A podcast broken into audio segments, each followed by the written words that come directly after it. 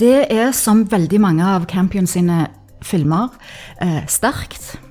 Det er litt, når du først begynner, litt sakte i tempo. Det er sånn du tenker åh, nei, dette blir kjedelig, dette gidder jeg ikke. Og akkurat når du har lyst til å gi opp, så blir du dratt inn. Ja, hei og velkommen til Filmtips eh, på Sølvberget. Vi er her på Filmavdelingen, og er, jeg heter Magnus Cappelen, og vi har en eh, special guest, Lene Heimlund Larsen, som har filmutdannelse fra USA. Eh, du, har, eh, du er oppvokst med film, eh, film på eh, med din far, Henning Larsen. Eh, og driver òg formidler ganske aktivt på sosiale medier om film, og i det hele tatt eh, Film og Lene Heimlund Larsen, det er liksom en Det går hånd i hånd. Det går hånd i hånd. Absolutt. Det har vært en stor del av hele livet ditt. Det kan du si. Så jeg tenker i dag så skal vi egentlig eh, ta for oss litt forskjellige filmer, som du òg kan finne på både i filmsamlingen her på biblioteket. Noen kan du òg eh, låne på Filmoteket, som er bibliotekenes strømmetjeneste. Um, og vi tenkte vi skulle begynne egentlig med en film som vi føler på en måte er kanskje litt glemt, eller litt undersett, Lene. Ja, altså Grunnen til at jeg hadde lyst til å snakke om 'Picnic at Hanging Rock', det er som du sa, jeg føler han er litt undersett. Det er en film, så sant du ikke er veldig bevandra i filmhistorien, eh, så, så tenker jeg han ikke er, en film du kjenner til. Og eh, regissøren kjenner du garantert til, for du har sikkert sett eh, The Truman Show. Som han òg har lagd, som òg er en fantastisk film. Men tilbake til 'Picnic at Hanging Rock', så syns jeg òg det er veldig kjekt å holde seg down under, for der er det jo sommer nå. Og da tenker jeg at eh, la, oss, la oss gå ned der.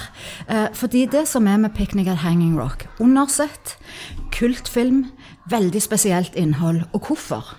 Ja, nei, altså, for Det er jo basert på en bok eh, av John Lindsay, som i hvert fall som vidt jeg har skjønt er en ganske viktig og stor bok i australsk sammenheng. Og eh, det er jo en film som er eh, Eller historie som har mye mystikk rundt seg. Eh, også litt fordi at det ble sagt at dette er en sann historie.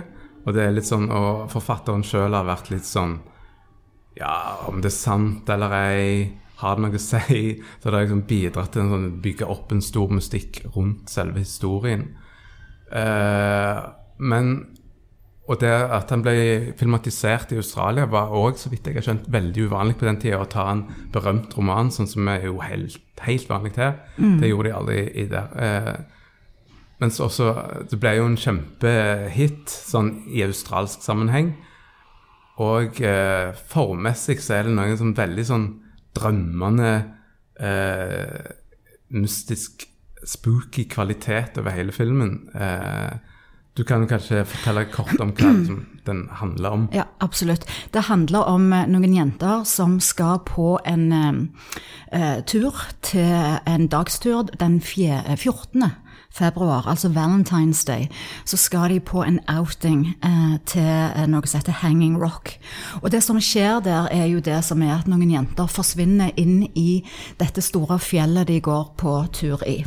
Eh, jeg har ikke lyst til å si så veldig mye mer om hva filmen handler om, men så er det da, som du nevnte, det er litt eh, mystikk rundt dette, og det blir en litt hypnotisk eh, eh, seanse, måten filmen er lagt på, fordi at det var så mye mystikk rundt boka. Er det noe som har skjedd, er det noe som ikke har skjedd? Kanskje det bare var fantastisk markedsføring? For det når du da tror at det, det kan ha skjedd, så, så får du jo litt mer eh, eh, ja, det gjør at du kanskje vil se det, men det som òg gjør han veldig mystisk og spesiell, det er jo eh, måten han er filma på. Han er veldig flytende, måten han er klipt på, og ikke minst musikken som er satt til. Det er panfløyte og orgel. Det sier litt. Så bare med det så får dere jo et både visuelt og musikalsk bilde her som er spesielt. Ja. Du, eh, bare for å skyte inn noe, handlingen foregår 1900.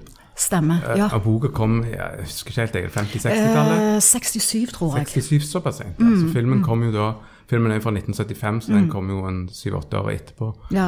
Ehm, og ja, det, det du snakker om mystikk og det panfløytegreiene òg, og det jeg òg syns er litt sånn bare for min del, tanken på å bare dra ut på en piknik i Australia Jeg er jo livredd slanger og all slags kryp og reptiler som de har der. Absolutt. Jeg bare synes det høres ut som en dårlig idé fra starten av.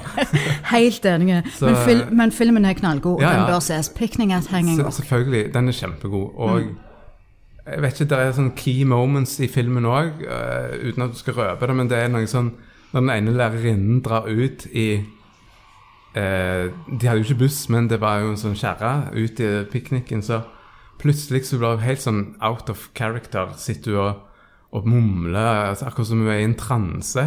Uh, at eh, ja, nå skal vi ut disse bergene som liksom har vært der, de formasjonene for mange millioner år siden. Så bare er sånn, og så ut av det igjen. Så det er bare sånn, sånn små, rare øyeblikk i filmen som gjør den veldig spesiell og veldig kul. Eh, så Absolutt. absolutt få med dere 'Picnic at Hanging Rock'. Ja.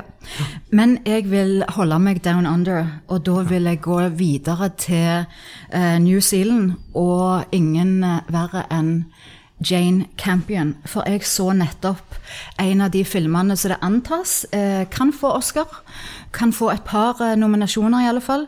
Og det er selvfølgelig The Power of the Dog, som òg kan ses på Netflix.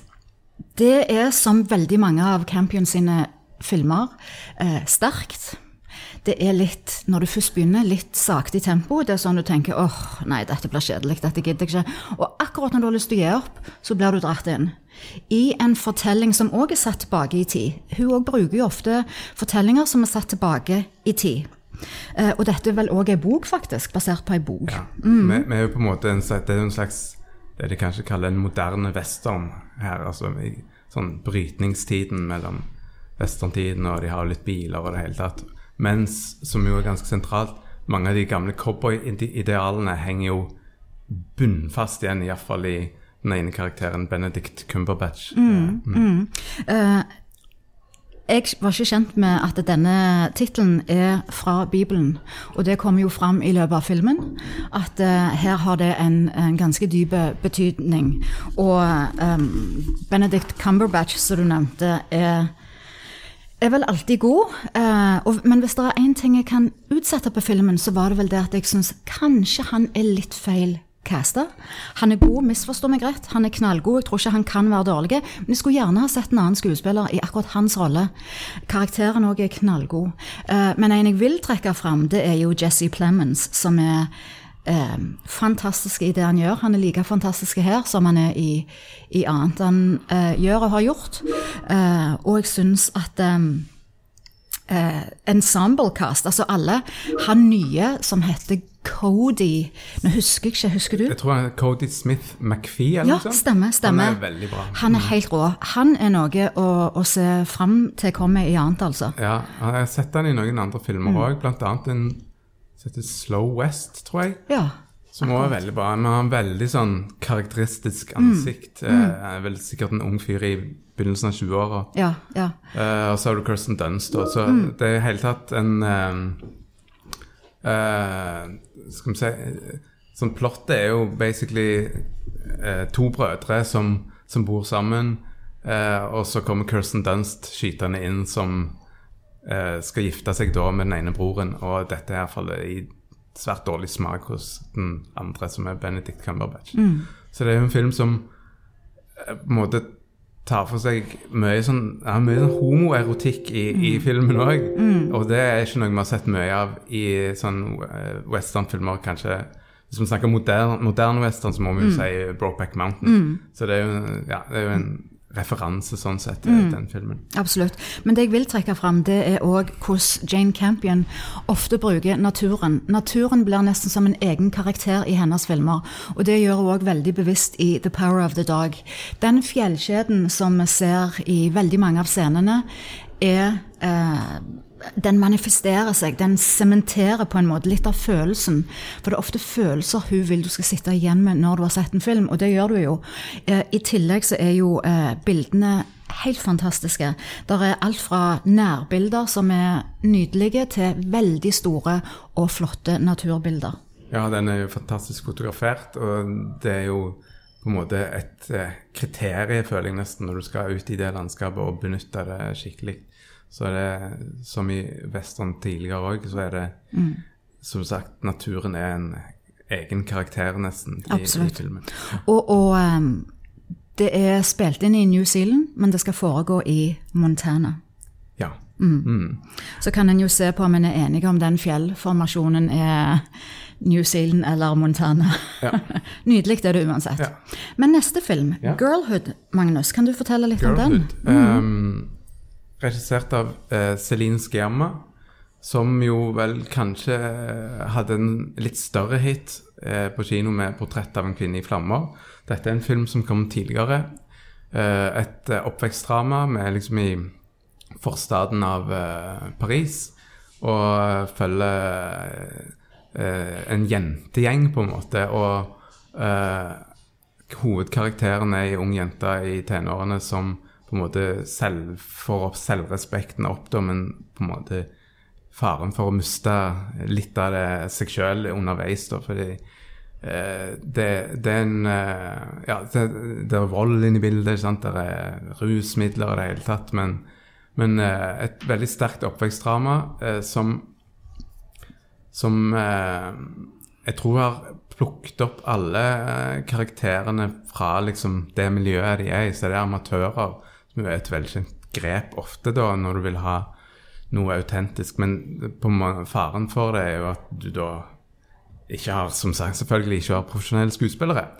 Men uh, Girlhood er en superfin uh, oppvekstfilm. Og den er ganske stilisert sånn um, med slow motion, og det er dansescener som er kule og sånt, men, men viser på en måte en, en annen virkelighet enn Stavanger, så det er fint å liksom dra litt i forsteden i Paris. Det, det, det tror jeg er veldig viktig, akkurat det du sier der. For det at med film så kan en besøke alle disse plassene, nasjonene, kulturene som en ellers ikke gjør. Og viktigere enn noen gang så er det jo det å ha en eh, inkluderende verden, der vi òg får et innblikk i hvordan andre lever verden utenfor våre egne grenser. Og det er jo litt av den samme filmen, egentlig, Rocks har gjort. Ja. Uh, og kan, kanskje er lånt litt fra uh, Girlhood. Ja, det er grunnen til at jeg tar med det med at den hadde såpass mange likheter, syns jeg, og var uh, omtrent like bra. Det er debutfilmen til en som heter Sarah Gavron. Kom for et par år siden. Da er vi i London, Øst-London, eh, ut forbi sentrum, og samme på en måte metodikken. Hun har casta amatører, og disse tenåringsjentene er bare helt utrolig bra Det er helt eh, rått. i, i, i, filmen. Og um, forskjellen kanskje på de to filmene syns jeg kanskje er at denne her er Begge er jo på en måte sosialrealistiske, uh, mens formessig så er kanskje den Girlhood mer stilisert. Denne her er mer uh, Skal vi si, ganske sånn eh, nøytral formmessig sett. Men begge to er sånn kjempegode oppvekstfilmer. Og Jeg, jeg syns Rocks er utrolige. Jeg syns det er helt fantastisk at ingen av disse på kamera har spilt tidligere. Kun noen av de voksne rollene er skuespillere. Disse jentene er så naturlige, og du tror på dem. Eh, og de forteller en utrolig viktig fortelling, som igjen trenger å bli fortalt i et samfunn som vi lever i, der vi er multikulturelle, så er disse stemmene og den fortellingen utrolig viktige. Og, og blir det mer og mer framover, tenker jeg. Jeg håper vi vil se flere av den type filmer. Eh, at kanskje Norge eller Skandinavia òg kan hoppe inn og, og lage fortellinger eh, fra alle. Ja. Jeg, jeg syns på en måte um, det kommer jevne sånne, den type filmer. Annet Andrea Arnoldsen film òg, Absolutt. Fish Tank. Fish Tank er jo òg eh, helt fantastiske. Som, som gjør litt av det samme. Så Ja. Mer av det. Ja, og det er jo sosialrealisme de luxe, men det er lagd på den måten at det ikke er så tungt at du ikke orker å se det. Det er lagd, eh, misforstå meg rett, på en entertaining måte. Og det må det være for at du skal klare å orke å sitte og se ganske eh, tunge sosiale emner. Ja, og det, det er tydelig det òg som går igjen i disse her, er liksom Iallfall disse to er på en måte det nesten totale fraværet av voksne eller gode rollemodeller. Mm. Absolutt. Så de finner sin egen vei, og det er jo ofte en brukte vei, det. Men ja. Yes, skal vi videre? Vi skal videre. Vi må jo innom Sør-Korea, for der er det skjedd så utrolig mye de siste åra. Ikke bare på filmfronten, men òg på seriefronten. Eh, Vi kan ikke snakke om Sør-Korea uten å nevne selvfølgelig Squid Game. ja, men vi skal holde oss til film. Og eh, en av de jeg vil nevne som er mindre kjent, alle kjenner jo til Parasite, eller Parasitt fra i fjor, det er jo fra samme regissør, Bong Yon-ho. Ja, det er 'Memories of Murder' fra 2003. Ja. Uh, dette var jo en film som iallfall gjorde stor suksess på sånn festivaler og sånt når den kom ut, og som er basert på en sann historie. Eh, mordmysteriet, rett og slett. Og det som kanskje mm, er litt gøy med Bong Joon-ho, og sånt, er at de må ha holdt på så lenge òg, først når de trenger liksom en sånn superhit som Parasite før eh, før eh, liksom Aftenbladet skriver om det. Så mm. 'Memories of Murder' var, har vært sånn, sånn kultfavoritt lenge. Eh, og er på mange måter Den er ikke så grotesk som mange, mange av disse uh, asiatiske filmene, sørkoreanske osv. er jo ofte ekstremt voldelige.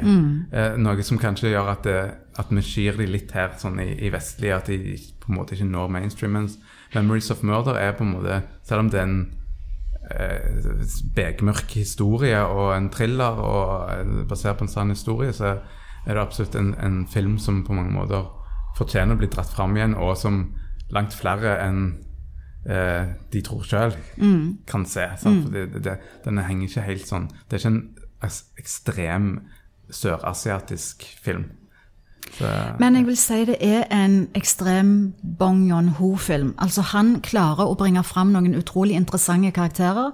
Han klarer å fortelle en ganske standard fortelling på en egen måte. Eh, Det blir interessant, tror jeg, uansett hva han setter fingrene i. Eh, For måten han løser det, eller ikke løser det på. De filmatiske triksa han bruker, både i karakterutvikling altså Her kan du se han har lånt litt av um, R2D2 uh, og C3PO, som igjen er to karakterer fra hvem? Star Wars. Ja, men hvem lånte George Lucas de karakterene fra igjen? Kurosawa. Ja. Og så her ser du at Asia ble lånt fra til Vesten, og nå låner de tilbake. De inspireres av hverandre. Og det syns jeg er utrolig spennende å se hvis en ser på filmhistorien. Ja.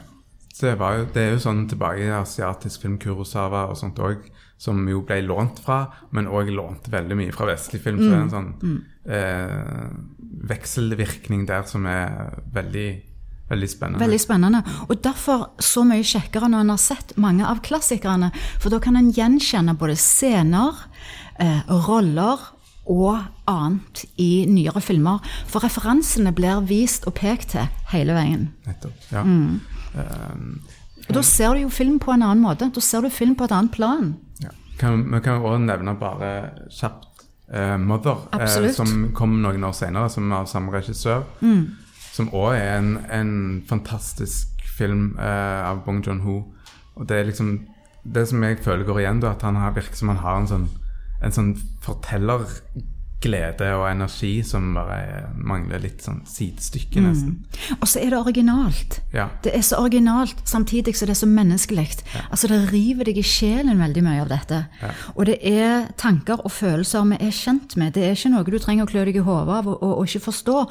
Det er ikke heller så lineært som kanskje amerikanerne ofte eh, lager det. Så, så det er så gjenkjennelig at du vet hva som skal skje før det skal skje. Ja, og det er litt sånn eh, som vi sa med det at det, uh, det er sørkoreansk filmen uten å være helt ko-ko, sånn som virker på mange måter uh, Mye av det virker litt sånn fremmedgjørende, eller med kulturelle forskjeller, så tar vi det ikke helt i, i Men, men Spong John-ho treffer tydeligvis godt, fordi Han treffer noe. jeg vet at Arthouse som eh, distribuerte filmen, det er den største kinosuksessen de har hatt noensinne. Uh, Mother? Nei, Parasitt. Ah, Parasitt, ja. Parasit, ja, ja, Bare, ja. Mm. ja. Yes. Eh, vi skal holde oss litt i Asia. Eh, en filmskaper eh, thailandsk filmskaper som jeg skal prøve å si navnet på. Eh, Apichapong Verasat Kul. Jeg syns det var veldig bra. Jeg hadde ikke klart det. Eh, uten å se på skjermen. Eh, veldig fascinerende filmskaper, og veldig forskjellig egentlig fra Bong Joon-ho. Eh, og det er litt sånn ehm, Det er litt vanskelig og uhåndgripelig å snakke om òg, på en måte, fordi det er iallfall det som går igjen i hans siste filmer, eh, bl.a. Eh, 'Onkel Bunmi', eh, som kan erindre sine tidligere liv, som han heter, er at eh, han er veldig opptatt av det åndelige, det vi ikke kan se, metafysiske, hvordan fortid henger sammen med framtid Nei, nåtid. Unnskyld. Fortid. Kanskje, kanskje det Eh, òg. men ikke på en sånn eh, fysisk fast måte, men det er liksom det åndelige som binder oss. Og eh, det som slår meg liksom med det onkel Bonmi, er at, at her sitter på en måte eh, onkel Bonmi sjøl, og så dukker plutselig den avdøde kona hans opp som en sånn transparent skikkelse, som et spøkelse. Mm, Uten at de på mange måter eh, gjør ikke så stort nummer ut av det. Så det, og, og, eh, og hans sønn dukker opp i en slags eh, reinkarnert som et, et eller annet apeaktig dyr. Og hele tatt en veldig sånn mystisk film. På en helt annen måte enn 'Picnic at Hanging Rock', som vi snakket om. Men, eh, og det går, går igjen på en måte i, i, i filmene hans. 'Cemetery of Splendor', eller som han heter på norsk 'Sovende soldater', som var, filmen kom etterpå. Der òg har han jo på mange måter et eh, Ja, det er 'Sovende soldater', er en dårlig norsk tittel, på et sykehus som ligger der som et gammelt eh, Gammel kirkegård eller noe sånt det har vært tidligere. Og begge disse to høres jo på mange måter når jeg snakker litt om det, som om det skulle vært eh, grøssere. Og det er det ikke i det hele tatt. Eller veldig kjedelige. Ja, eller veldig kjedelige. For det, det må òg sies òg, er at tempoet i disse filmene er jo meditativt sakte gående. Og det er vel filmer som Jeg vil ikke si at de er så nødvendigvis krevende. De er krevende hvis du tror at du skal prøve å forstå de fra A til Å, men at de krever at du sitter og blir på en måte dratt inn i filmene, og ikke fikle med telefonen eller Det, eh, det det, krever konsentrasjon. Det krever konsentrasjon. Men jeg vil si det er viktige filmer. Og 'Cemetery of Splendor', hva var det du sa nettopp på norsk? Sovende soldater. 'Sovende soldat' er en um, Det er en opplevelse. Det er rett og slett en ehm, reise ikke bare til en annen del av verden, men til en opplevelse som vi sjelden får via de typisk uh, vestlige filmene vi uh, på en måte bombarderes med. Og det å se hvordan andre løser eh, livssituasjoner cinematisk. Hvordan de tar kreative, veldig spennende grep for å fortelle eh, historier. Det er jo det som gjør det veldig viktig. Det er jo det som gjør at vi på en måte utvikles. Ja. Med å ikke bare se det samme, Ja. men at vi ser spennende andre fortellinger. Ja, det er jo eh, Jeg ser jo at han sjøl snakker jo om at dette her er på en måte en del av hans kultur, og han er jo vokst opp i, i jungelen nesten, og det er jo der foregår jo disse filmene i thailandsk jungelen. Og bare skyte inn òg at hans nyeste film, dette 'Memoria', kommer jo antageligvis på kino. Han, kom, han vil bare vise den på kino, har jeg hørt. Ja. Mm. s- men den foregår i, i Latin-Amerika, i Colombia, og har Tilda Swinton i hovedrollen.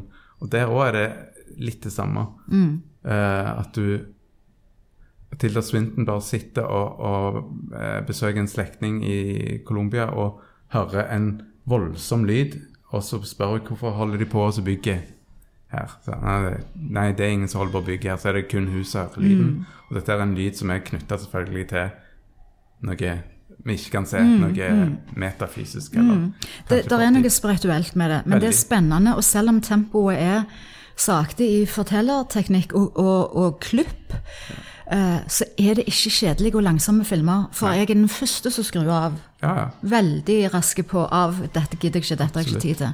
Så de er gode. Men vi skal litt videre. Jeg skal bare si en ting Ja. til. Fordi han, eh, og det har jeg ikke vært sett, men han har jo lagd litt kunstfilmer òg. Mm. Og oppe på Stavanger kunstmuseum så har han faktisk en installasjon nå i den olje, eh, oljeutstillingen som er oppe der. Så jeg har ikke vært sett den sjøl.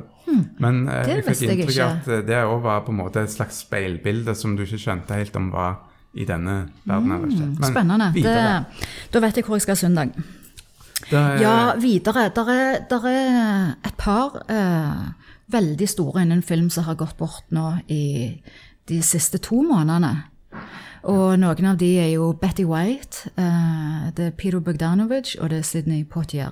Ja. Mm. Uh, Sidney Poitier gikk jo vekk. Han har jo vært ja, altså uvirkelig viktige i på en måte eh, de svartes eh, kinohistorie og sånt. Og, eh, har du noen filmer som du liksom liker spesielt godt med han, eller?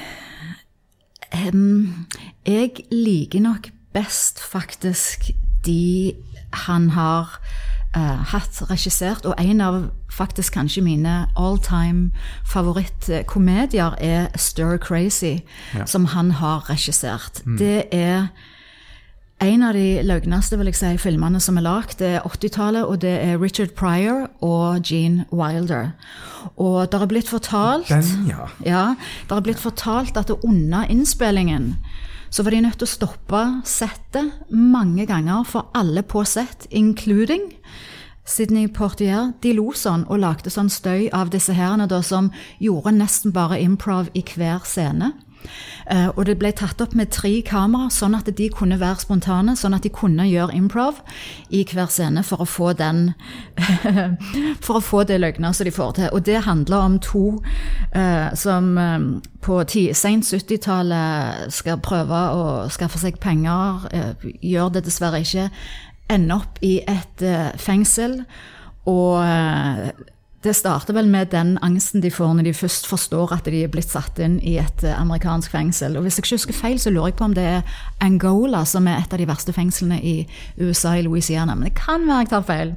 Men uh, det er min favoritt. Ja, ja. Det, det er litt sånn upolitisk korrekt å si, for her skulle jeg jo ha sagt I Guess Who's Coming to Dinner, eller veldig mange av de store klassikerne. Nei, det er jo ikke ukorrekt å si, men man kan jo si at Guess Who's Coming to Dinner er jo en av de viktige i, i liksom dannelsen av uh, selve karakteren Sidney Poitier og hans rolle i, i filmhistorien. Uh, som, som handler om um, som, Den er fra 67 eller 68, et eller annet sånt. Som handler om Sidney Poitier som blir bedt på middag til sin da hvite kjæreste. Og, og egentlig en ganske uvanlig situasjon selvfølgelig i USA på 60-tallet, som tar for meg mye, mye raseproblematikk. Og en av de jeg liker kanskje best, som skal vise på Cinemateket faktisk i mai, vel lenge til, er In the Heat of the Night. Ja, hvor han, eh, absolutt. hvor han kommer Eller Nattens hete, som det heter på norsk. Som man snakker om norske titler. Hvor han kommer til en liten amerikansk forstad og skal oppklare et mord som politimann. Eh, og det også er selvfølgelig mye raseproblematikk i denne thrilleren. Eh, og den udødelige udødelige replikken han har når han når han på mange måter blir uh, spurt litt sånn flåsete. Ja, hva kaller de deg egentlig? Så They call me Mr. Tibbs, sier han strengt. strengt. Og det ble òg tittelen på oppfølgeren. Det var en sånn eh, In the Heat of the Night er en, en veldig, veldig bra film, og viktig film. Ja, absolutt. Vi kan gå over til Peter Bogdanovich. Ja, som er helt fantastiske. Og eh, for dere som er interessert i film, så er det vel en dere må studere. Eh, for et mer levende filmleksikon eh, tror jeg ikke det har eksistert. Stemmer. Han kunne og visste alt om film og hadde studert det på et eh, plan eh, som ga han en forståelse til å lage egne fantastiske filmer, men òg til å skrive masse filmkritikk, bøker eh, og diverse. Ja, nei, han starta jo vel eh, som kritiker, tror jeg, og skrev om Og det er jo det er ikke alle som Starta tar som skuespiller. Ja, men eh, kritiker før filmskaper. Eh, og filmintellektuell, for å si det sånn. Og det er jo ikke mange som tar den veien med et hell. Eh, um, men eh, Bogdanovic gjorde det, og hadde òg enormt mye å si for amerikansk filmkultur i det hele tatt. Han var jo i en ung alder kuraterte på MoMA liksom eh, eh, Citizen Kane og alle slags amerikanske filmer som på mange måter var skal si, uhørt å putte inn i en kunstsammenheng, som gjør at amerikanere så på sin egen filmhistorie med et annet blikk. Så seinere så gjorde han jo òg Han hadde jo viktige, store filmer, men han hadde ikke så mange store hiter. Men kanskje den mest påfallende er Last Picture Show, eh, som jo er på mange måter et sånn nostalgisk tilbakeblikk. Filmen er jo fra 1971.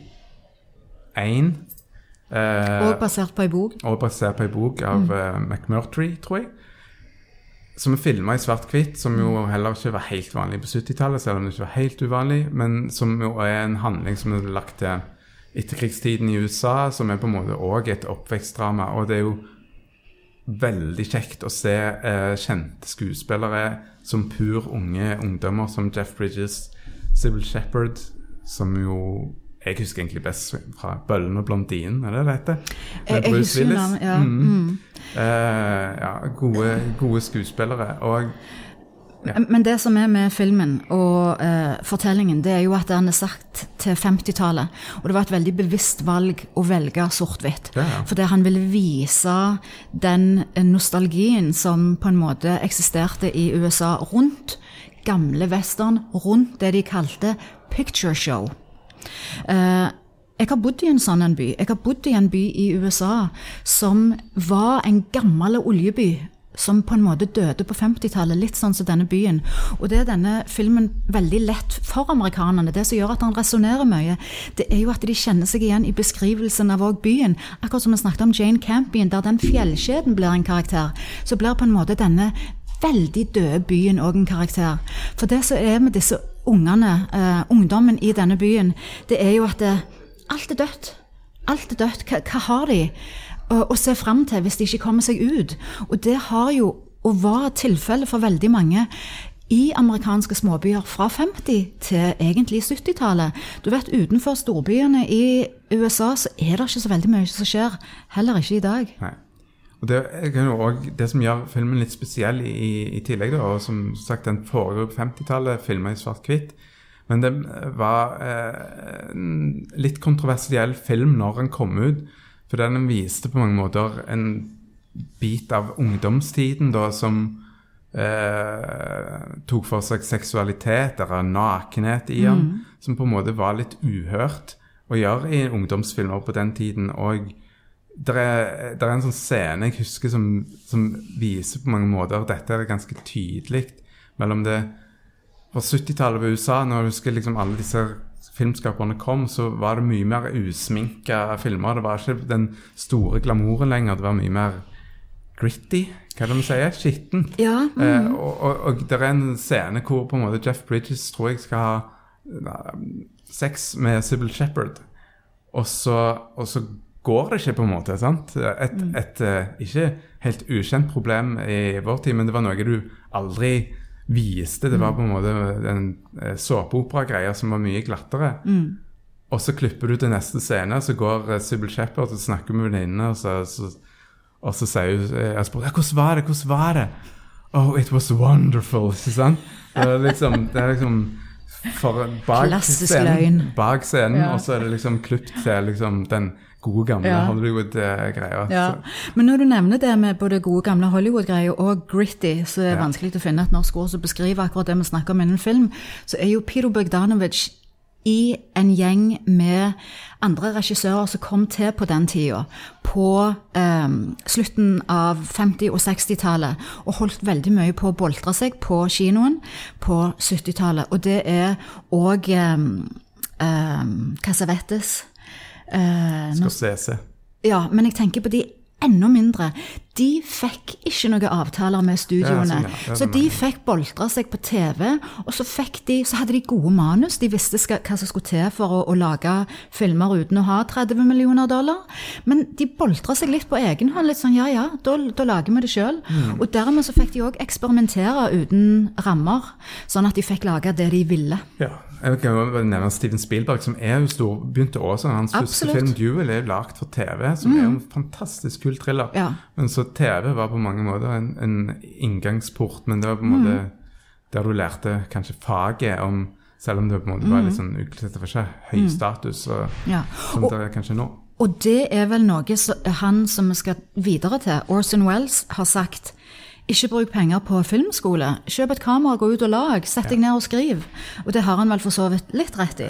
Det er veldig greit å hoppe fra Bogdanovic til Orson Wells, for han var en sånn velesianer, som de, som de kalles, og var en stor fan av, av Orson Wells, og lagde, ga ut en bok òg, med intervju med Orson Wells. Og var venn med han. Og var venn, ja. Og var dødelig fornærma på alle som, eh, som mente at uh, Citizen Kane ikke var hans verk. Eh, sånn som uh, Pauline Cale mm. påsto på mange måter at det var Mank eh, som gjorde manuset alene. Henry Mankiewicz. Men eh, Men Orson Wells er jo en av de største, mener jeg. Og en av de veldig mange har lånt av, sett på, studert. Jeg ser du gjør litt sånn jeg venter. Nei, du bare venter på resten jeg skal si. ja. Eh, og hvorfor er han så stor? Eh, han òg har en, eh, kanskje en selvtillit som gjorde at han eh, tørde å gjøre det han følte var riktig, uansett hva studio måtte si. Noe som gjorde at han i seinere tid kom i stor konflikt eh, og aldri fikk lagt ferdig mange av filmene sine. Men hvis vi snakker om noen av de han fikk lagt ferdig før vi går til Citizen Kane, så vil jeg jo si en av mine favoritter er Touch of Evil fra 58. Og her har det jo gått noen år og noen utviklingsår i, i hans liv som regissør. Eh, For han var jo òg veldig godt kjent som skuespiller, og en veldig habil skuespiller, kan en si. Men Touch of Evil var en utrolig problematisk film og ble laga og få satt opp. Han ble eh, tatt vekk av studio, og det starta med at Charlton Heston av alle fikk et manus som var så dårlig at han sa um, jeg kan være med på denne filmen, og han var jo, eh, hvis studioene hadde han med, så visste de de fikk solgt billetter. Men han sa jeg kan være med hvis eh, Orson Wells får eh, regi. Og da spurte de Orson Wells, og han sa jeg kan være med hvis jeg òg får skrive det. Omskrive hele manuset. Og det gjorde han jo, på tre uker. Og han lagde jo filmen, og eh, filmen er jo fantastiske. Eh, studio likte ingenting av det de så. Eh, saboterte distribuering. Han ble nesten ikke vist på mange år. Han ble vist i Belgia. Ja. Jeg, jeg eh, husker jo at den ble jo lansert på kino i Norge på 90-tallet. Som Ja. på en måte en sånn mer eller mindre komplett Så jeg tror Jeg, jeg skal ikke si for sikkert, men det kan godt være at den ikke ble vist i, på norske kinoer. eh, Jeg tror, ikke han, jeg tror ikke han er blitt det sånn, så, sånn som Orson Wells ville han skulle bli vist. Nei. Og det er jo eh, nøtteskallet, på en måte, eh, i et studio, eh, amerikansk studiosystem, og en, en filmskaper som er kompromissløse. Det er, går ikke veldig bra sammen alltid. Nei. Men eh, Orson Wells hadde jo et problem med må- mange måter at han Hvordan går du videre i en alder av 26 år etter å ha lagd verdens beste film, som han ble omtalt? 26 år, Citizen Kane eh, kom ut. eh, mens Touch of Evil er en fantastisk bra film noir-krim mm. som foregår eh, grensa til Mexico. Mm, stemmer. Eh, så han hadde Der han spiller sjøl. Der han spiller sjøl, som Og- i Citizen Kane. Ja, og har fått med seg Marlene Dietrich i hennes siste rolle. Var det ikke det, man tror? Det er jeg ikke sikker på, men Nei, eh, mon ble- det kan vi sjekke opp etterpå. Ja, det må vi google. Uh, det er jeg ikke helt sikker på. Men uh, i hvert fall, som du sier, en veldig god skuespiller òg. Mm. og det glemmer kanskje litt mange, for jeg liksom ser på de filmene han hadde regi på sjøl òg, som var veldig gode, men på mange måter Alt ble jo målt opp mot uh, i hermetegn da, verdens beste film. Mm, Så ja. Og det en skal spesielt legge merke til i Touch of Evil, det er jo åpningsscenen, som er én one take. Altså det er en lang sekvens. Og jeg tenker, når jeg ser Touch of Evil, så tenker jeg uh, Tarantino har latt seg inspirere veldig mye av Orson Wells, og spesielt Touch of Evil. Hva tenker du? Ser du litt av den? Ja, det kan jeg tenke meg. eh, Både han og så Hva heter han? Rodriguez-fyren. Eh, Det er vel òg det ble jo nesten sagt sånn at det, det, det var kino før og etter Orson Wells, Mm. eh, etter Citizen Kane òg. At eh, jeg, jeg tror ikke det er en, noen som ikke har på en måte Om de ikke har bevisst er inspirert av, så er det alt Altså dybdefokus Mm. og filmatiske grepene han gjorde. Dybdefokus nå kan det være veldig spesielt for noen av de som Ja, hører. Altså kamera. Ja, når vi snakker om kamera, ja, så var jo Mm. eh, dybdefokus var jo eh, det som på mange måter var veldig En av de tingene som gjorde eh, på mange måter kameraarbeidet Mm. veldig spesielt med Citizen Kane. Hvor istedenfor at du zoomer på mange måter inn på Har én ting i fokus, så kan du ha klart for både forgrunn og bakgrunn og alt. Det På mange måter Det jeg liker med det, er jo at det ikke gir sier seg sjøl hva du skal fokusere på. Mm. Du kan se rundt på bildet, ikke sant? Ja, uten at vi skal gå mer teknisk inn på Nei, men det, men det, Men det er et viktig, det er viktig poeng. det er veldig viktig når en snakker om, eh, om Orson Wells. Absolutt. Og så vil jeg egentlig avslutningsvis si noe, for det er jo litt gjeldende nå når vi er i januar. For Orson Wells han var jo litt stor og likte å spise. Men han Ja. sa til Peter Bogdanovich at um, hvis du spiser når ingen ser deg, og det gjelder jo litt nå i januar Jeg har mange nyttårsforsett, jeg har begynt å bryte dem, men, men nå skal vi se om, om vi klarer dette. Hvis du spiser når ingen ser deg, eller i mørket, så legger du ikke på deg. Er det sant? Så da er det bare å gå og sette seg alene. Kanskje hvis du setter deg alene i mørket, Ja. så har du i hvert fall ingen effekt. Så derfor nå når jeg skal gå ned og se Citizen Kane, Ja. og jeg skal gjette hvor jeg Kiosken. Kjøpe inn her, vet du. Det gjelder jo ikke da. Legger ikke på meg. Nei, ok. Men det visste jeg ikke. Det skal jeg huske. På. Eh, Vel, veldig godt nyttårstips. jeg ser veldig mye film i mørket. Det er det beste stedet du kan se film. Og det ser jeg jo på deg. Ja. Ja, du er jo slank, Å Oh, ja, jeg trodde du mente motsatt, jeg. Folkens, Ja, okay. slanketips fra Orson Wells. It works. Og Lene Heimlund Larsen. Eh, ta det med dere videre. Eh, takk for at dere hørte på oss. Og eh, god fornøyelse med filmene. Filmene kan lånes og ses. Ok. Ha det.